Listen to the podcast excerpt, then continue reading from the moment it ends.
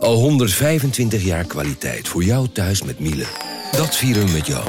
Ontvang nu tijdelijk een cashback tot 125 euro op veel Miele-apparatuur. Geniet van de kwaliteit van Miele. Voor perfect verzorgd wasgoed en kleding die veel langer mooi blijft. Voor een stralend schone vaat, even perfect als jouw diners. En een stofvrij thuis waarin echt hygiënisch schoon de standaard is. Check miele.nl voor alle feestelijke aanbiedingen. Ik ben al jaren ondernemer, maar waar moet ik eigenlijk allemaal aan denken nu ik voor het eerst personeel wil aannemen, voor het eerst ga importeren of voor het eerst een bedrijfslocatie zoek? Weet wat je wel of niet moet doen bij zaken die je voor het eerst oppakt. Check kvk.nl voor praktische stappenplannen. KVK, hou vast voor ondernemers. Eh, als jij dan daar gaat zitten bij die microfoon, Uh, waar? Ja. de, de verste, Eerste, ja. dan schuif ik gewoon een beetje naar jou toe. Ja, eh, zou jij je koptelefoon eh, ook op Yes. willen zetten? Oké, Len, wat hebben we hier? Wat is dit allemaal? Eh, nou, ik heb voor je de gigantische PlayStation 5. Hij ziet er een beetje uit als een soort modem. Ehm, de aller, allernieuwste spelcomputer van Sony. En het bijzondere aan die PlayStation 5 is de controller die erbij zit. Die allemaal gekke geluidjes maakt en, en gaat bewegen in je hand om je zo een gevoel te geven dat je in de game zelf zit. Mag ik even? Ja, tuurlijk. Even kijken, ja. Oh, Dat was niet de bedoeling, hè? dat was toch. Nou, ik wist dat er zoiets ging gebeuren. Met het vierkantje kun je slaan en, en nou ja, tenzij je op grote spikes afloopt, dan ga je hartstikke dood. ik loop nu door best wel hoog gras en ik voel zeg maar dat gras eigenlijk meebewegen. Wat heel gek is, want dat kan natuurlijk niet. En nu ga ik bijna dood. Nee, je hebt ze allemaal te pakken. Het is even wennen, maar je leert het wel. Hey, en de existentiële vraag, wie ben ik en wat is mijn doel in dit leven? Je, je bent een, eh, een robotpoppetje wat munten moet verzamelen en ehm, eh, ja, uitdagingen moet doen. Dit is echt een, Een beetje... beetje net als in het echt. Ja, ja.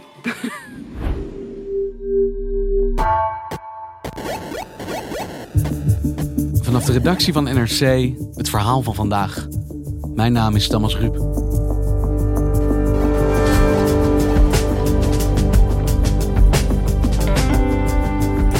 Ze komen tegelijk op de markt met maar één doel: de ander verslaan. Dinsdag verscheen de nieuwe Xbox. Volgende week volgt de PlayStation 5. Gamejournalist Lem Maassen heeft ze allebei. Met deze apparaten, zegt zij, wordt de toekomst bepaald voor een miljardenbusiness. De nieuwste ronde in een spelcomputeroorlog die al bijna 40 jaar duurt.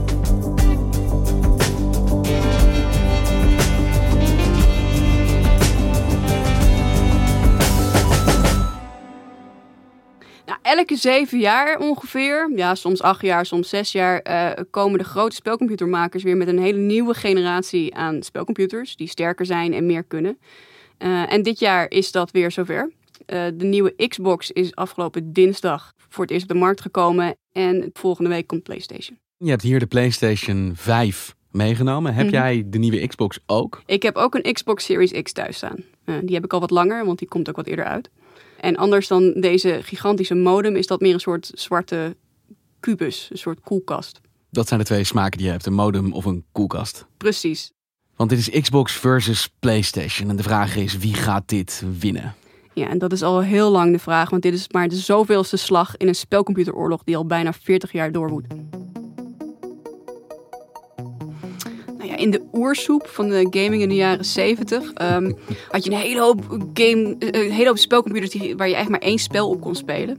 Toen kwam er opeens kwamen er een reeks spelcomputers uit waar je er meerdere op kon spelen. En de belangrijkste ervan, of in ieder geval de bekendste, was de Atari. En dit is in de jaren 70. Dit is in de late jaren 70, ja. En wat was dat voor een ding? Ja, het was een hele ouderwetse spelcomputer waar je een beetje Space Invaders op kon spelen. Wat was dat ook alweer? Nou ja, dat is dat je een soort eh, ruimteschip speelt wat eh, op en neer kan en kan schieten op eh, aliens die langzaam maar zeker van bovenaf op je afdalen. En ondertussen ben je stipjes die kogeltjes zijn aan het ontwijken. Ja, precies. Ehm, eh, en nou ja, goed, daarom Space Invaders. Dus je had die tijd nog een hoop fantasie nodig om een beetje de aliens en het ruimteschip te zien. Maar het was al heel erg bijzonder dat dat kon. Dat had men toen nog. Ja. Als je zegt, wat hebben ze verder gemaakt? Nou, ze hebben heel veel gemaakt. En dat bleek juist uiteindelijk het grote probleem van Atari. En die bleven maar games pompen. Eh, en het kon ze allemaal niet zo heel veel schelen hoe hoog die kwaliteit was.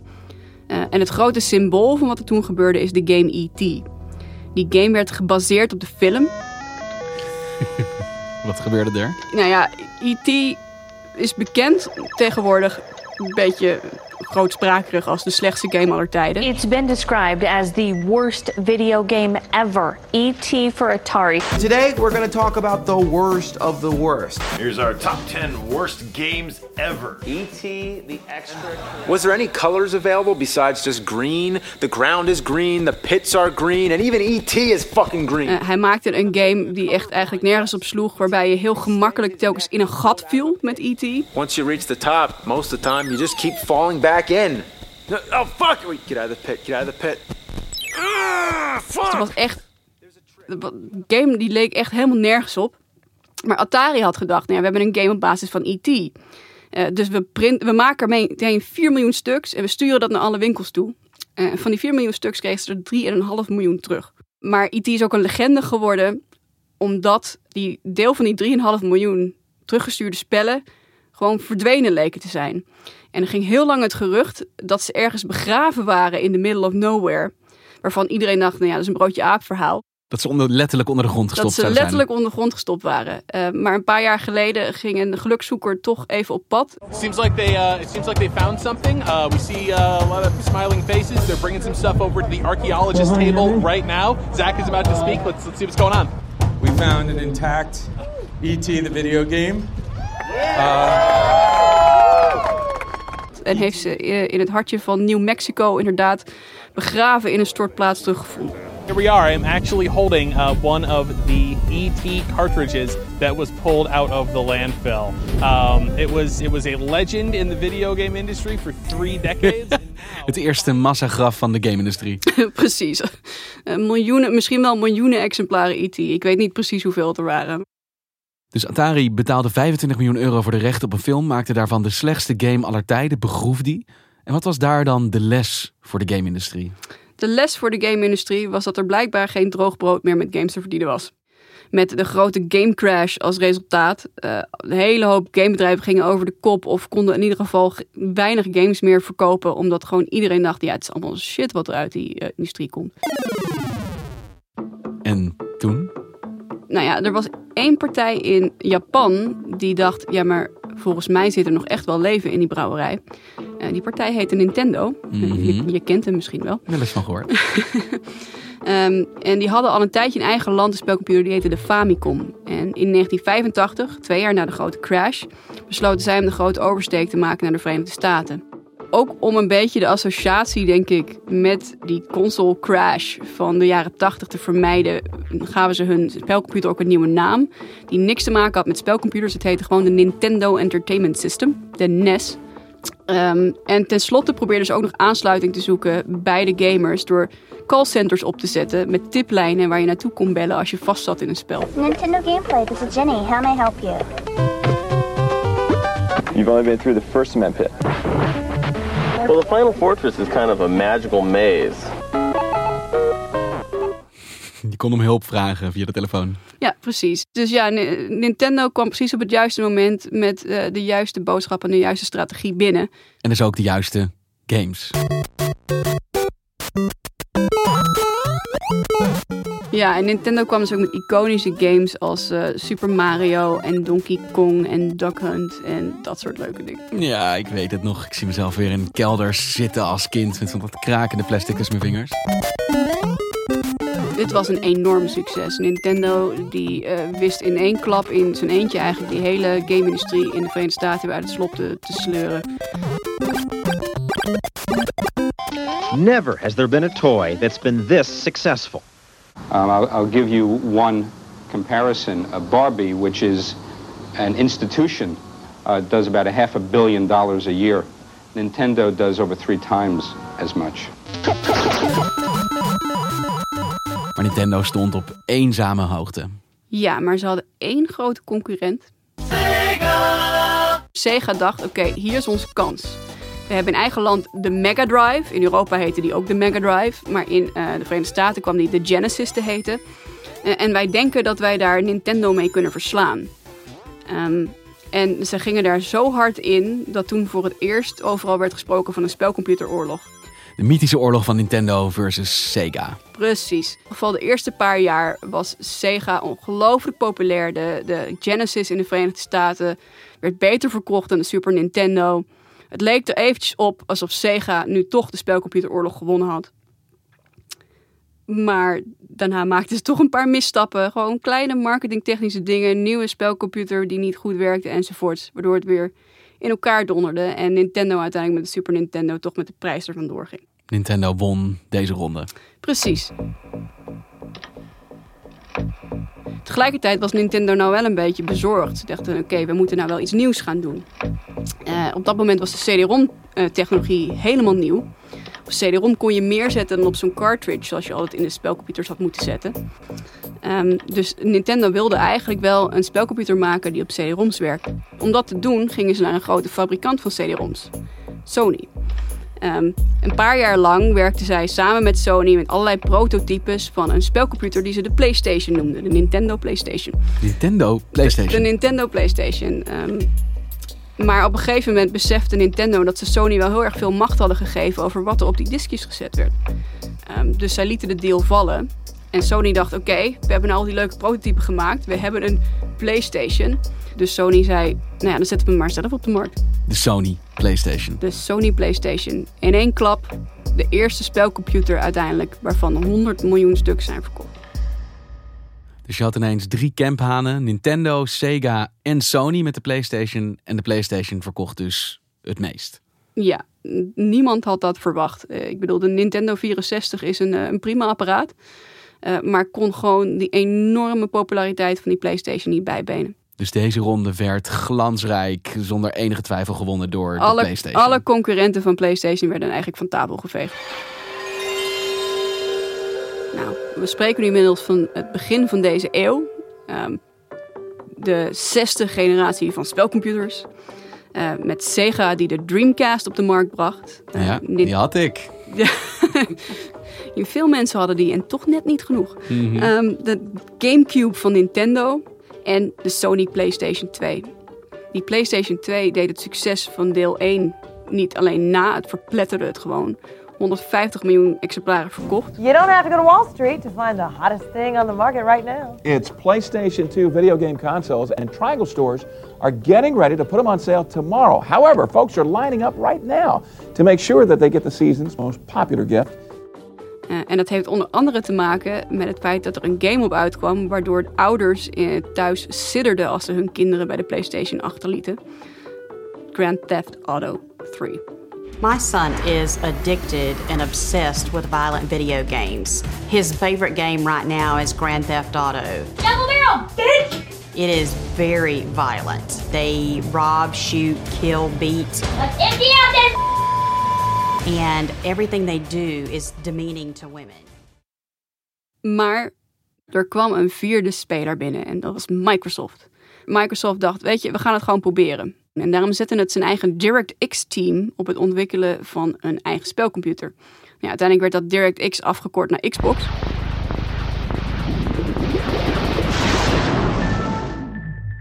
Nou, dat ding wordt niet zo'n verpletterend succes als de PlayStation, kan ik je nu al verklappen. Maar toch wist Microsoft op die manier zoveel merkherkenning op te wekken bij mensen. Dat het sindsdien eigenlijk meegaat als een van de grote spelers op dat gebied. Uh, daarnaast had de Xbox ook goed ingezet op online. Want dit was de tijd waarin online gamen opeens veel makkelijker werd. En dus kon je in je Xbox voor de eerste keer gewoon een internetkabeltje steken.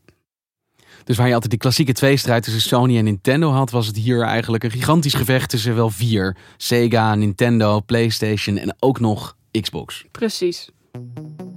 Nou, die Dreamcast heeft het uh, niet echt gehaald, helaas. Ja, ik heb een langzame traan over mijn wang lopen.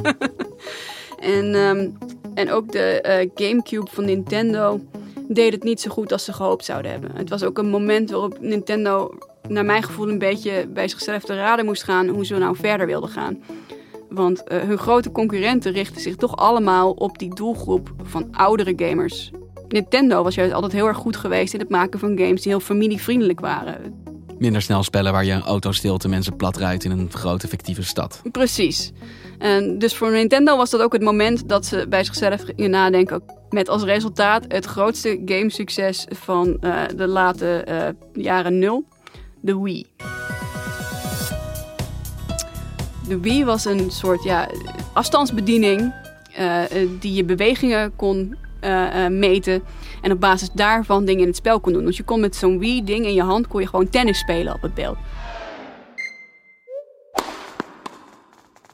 En dat sloeg heel erg aan bij al die gezinnen die toch een beetje geschrokken waren van wat gamen nou allemaal waren. Maar die wel graag samen leuke dingen in huis wilden doen. Um, met als resultaat dat de Wii ook die, dat grote getal van 100 miljoen uiteindelijk heeft aangetikt. 15 love. En eigenlijk dus ook zeg jij het moment dat Nintendo zich afsplitste van die klassieke spelcomputeroorlog en zei wij gaan gewoon hier voor een eigen publiek iets eigens doen. Precies. Nou, het bleek wel de juiste set, want de Nintendo Switch, dat is een spelcomputer met een touchscreen die je vast kan maken aan je televisie, maar ook gewoon in de bus mee kan spelen. Blijkt nu echt een enorm gigantisch succes te zijn. Ze zitten nu op het hoogtepunt van hun succes. En dat gevecht tussen Xbox en PlayStation, hoe ging dat verder? nou, de Xbox One en de PlayStation 4 leken toen ze werden aangekondigd nog een beetje gelijk op te gaan. Uh, maar Microsoft wist uh, dat voordeel al heel snel te verspelen. En tegelijkertijd kondigden ze ook iets aan wat ze misschien wel fataal is geworden. Namelijk dat je niet meer makkelijk games kon delen op de Xbox. Want als je een diskje in je Xbox deed, dan linkte dat diskje zichzelf aan je Xbox. Uh, aan je account ook wat je daarop hebt. Uh, wat betekent dat je allerlei gekke capriolen moest uitvoeren. Wilde je ervoor zorgen dat iemand anders een game kon spelen die jij had. Ja, dus op schoolplein een game uitwisselen of op werk was Nee. niet meer mogelijk. Nou, Sony sprong daar bovenop. Ze roken het bloed al. Uh, met een, een spotje uh, wat legendarisch is geworden. Het is een heel kort spotje. This is how you share your games on PS4. staat alleen maar eigenlijk in grote letters op van... dit is hoe je games moet delen op PlayStation. En dan zie je een beeld van twee mannen... waarvan de een een game in de handen heeft... en die geeft die aan de ander. en dan is het spotje afgelopen. Thanks. En is het nou zo dat uiteindelijk al die rondes in de oorlog, dus die generaties, toch erop neerkomen wie van deze spelcomputers nou de beste spellen heeft op dat moment? Dat is uiteindelijk de winnaar. Of komt er meer bij kijken? Ligt het niet zo simpel? Nou, dat is in theorie is dat zo. In de praktijk zie je ook dat gamers heel erg gehecht raken aan een bepaald merk. Uh, een groot deel van de spelcomputeroorlog wordt ook niet uitgevochten tussen die grote bedrijven, maar veel meer door de fans die elkaar op uh, social media naar het leven uh, staan. Maar er zit dus ook ergens iets irrationeels in. Dat het niet alleen gaat om de prijs en de games en de kwaliteit. Maar ook nee, bijna als je voor een bepaald sportteam bent. Je bent nou eenmaal voor PlayStation of oh. voor Xbox. Ja, ik, daar zit iets heel irrationeels in. Ik bedoel, uh, als uh, professional gamejournalist uh, ben ik van alle consoles thuis. Maar als je mij uh, naar mijn hart vraagt, dan zeg ik ook stiekem dat ik wel een PlayStation hart in me heb. En dat heeft ook mee te maken dat mijn eerste spelcomputer een PlayStation 2 was. Dus ook wat je het eerste in je handen hebt gehad, dat staat je misschien ook het meest nabij. Ja, precies. Maar nu dient zich dus een nieuwe ronde aan. Een nieuwe slag in die spelcomputeroorlog. Er komt nu inderdaad een nieuwe slag in de spelcomputeroorlog aan. Uh, vraag is of dat de laatste zal zijn, uh, of dat het nog een tijdje zo doorgaan. Um, en dat heeft er ook mee te maken dat voor het eerst die twee grote spelers, Sony en Microsoft, allebei een beetje hun eigen pad lijken te bewandelen. Sony is altijd het bedrijf geweest dat zegt van het gaat om je goede games en de rest is bijzaak. En zet daardoor dus daarvoor dus nu ook in op zo'n speciale controller. Van het idee is, wij willen hele grote, hele immersieve ervaringen vertellen. Hoe kunnen we dat nog beter doen? Nou ja, als we een game voelbaar maken. Ja, wat je me net liet voelen eigenlijk. Precies. De wuivende grashalmen in je handen. Ja. Sony heeft een, uh, een eigen afdeling waar ze mee games maken. Uh, PlayStation Studios heet dat. Wordt tegenwoordig geleid door een Nederlander, Herman Hulst. Een Nederlander staat nu aan het hoofd nu van de gameontwikkeling van PlayStation. Ja, Herman Hulst heeft jarenlang leiding gegeven aan Guerrilla Games, een hele grote Amsterdamse game studio. Die verantwoordelijk is voor de grootste Nederlandse mediaproductie aller tijden. Uh, Horizon Zero Dawn. Gamers kijken er met grote belangstelling naar uit. Naar een spel, Horizon Zero Dawn. Gemaakt door een Nederlandse gameproducent, Guerrilla Games. Met dit spel waarin je in een virtuele wereld kunt doen en laten wat je wilt. En het resultaat is volgens kenners wereldwijd indrukwekkend. Dus tegenwoordig worden al die grote games van PlayStation een beetje gecoördineerd vanuit hier. Microsoft zegt eigenlijk al een paar jaar dat games eigenlijk voor iedereen zijn. En dat uh, een hoop mensen alleen nog niet weten dat games voor hun zijn. Uh, en dat, dat dat komt omdat er veel drempels nog liggen om te gaan gamen. En Microsoft heeft zich deze generatie erop toegelegd om die drempels te gaan verlagen. En hun hele strategie daaromheen is: oké, we hebben een mooie spelcomputer, leuk doosje, kun je veel mee. Maar wat, je eigenlijk, wat eigenlijk belangrijk is, is Game Pass. Game Pass is een abonnement à la Netflix. Je, uh, je opent het, je ziet een hoop games, je klikt erop, je downloadt de game, je gaat het spelen. Amazon en Google en in veel mindere mate en op een andere manier Facebook en Apple willen eigenlijk onderhand ook wel deel zijn van die gamemarkt. Ze zien hoeveel geld er nu in omgaat. Het is echt een gigantische industrie. Ook met het idee in achterhoofd van ja, we hebben al die datacentra staan. Waarom zouden we niet games streamen? Maar als Microsoft nu ook al naar een soort Netflix voor games gaat en Google en Amazon dat ook op die manier willen gaan doen, is dit dan misschien de laatste keer dat je echt een nieuwe generatie inluidt zoals jij dat nu hebt gedaan door hier een gigantisch plastic ding op tafel te knallen? het zou het kunnen zijn. Er wordt al heel lang gespeculeerd over de dood van de spelcomputer. Het zou kunnen zijn dat deze technologie er eindelijk een einde aan maakt. Uh, het zou ook kunnen zijn dat gamers met hun nostalgische harten nog steeds het liefst een groot plastic ding op tafel zetten zodat ze in ieder geval weten dat ze altijd hun games kunnen spelen. Want dat moet je ook wel beseffen. Als je een Netflix-model hebt, dan zijn je games niet meer van jou. Eh, en dat is nog wel best wel een pijnpunt voor een hoop gamers. En jij hebt nu als een van de eerste van Nederland deze twee dingen thuis staan. Wat moet jij dan nu gaan doen als gamejournalist? Ik ben nu aan het kijken welke van de spelcomputers heeft de beste games bij het begin. Hoe speelt zo'n spelcomputer? Wat is er nieuw en bijzonder aan? En nou ja, mijn oordeel vel ik volgende week. Succes.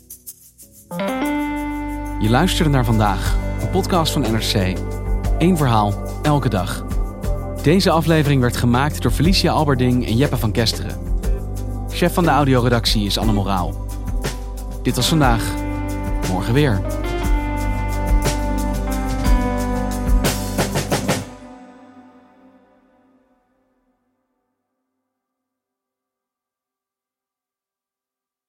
Technologie lijkt tegenwoordig het antwoord op iedere uitdaging. Bij PwC zien we dit anders.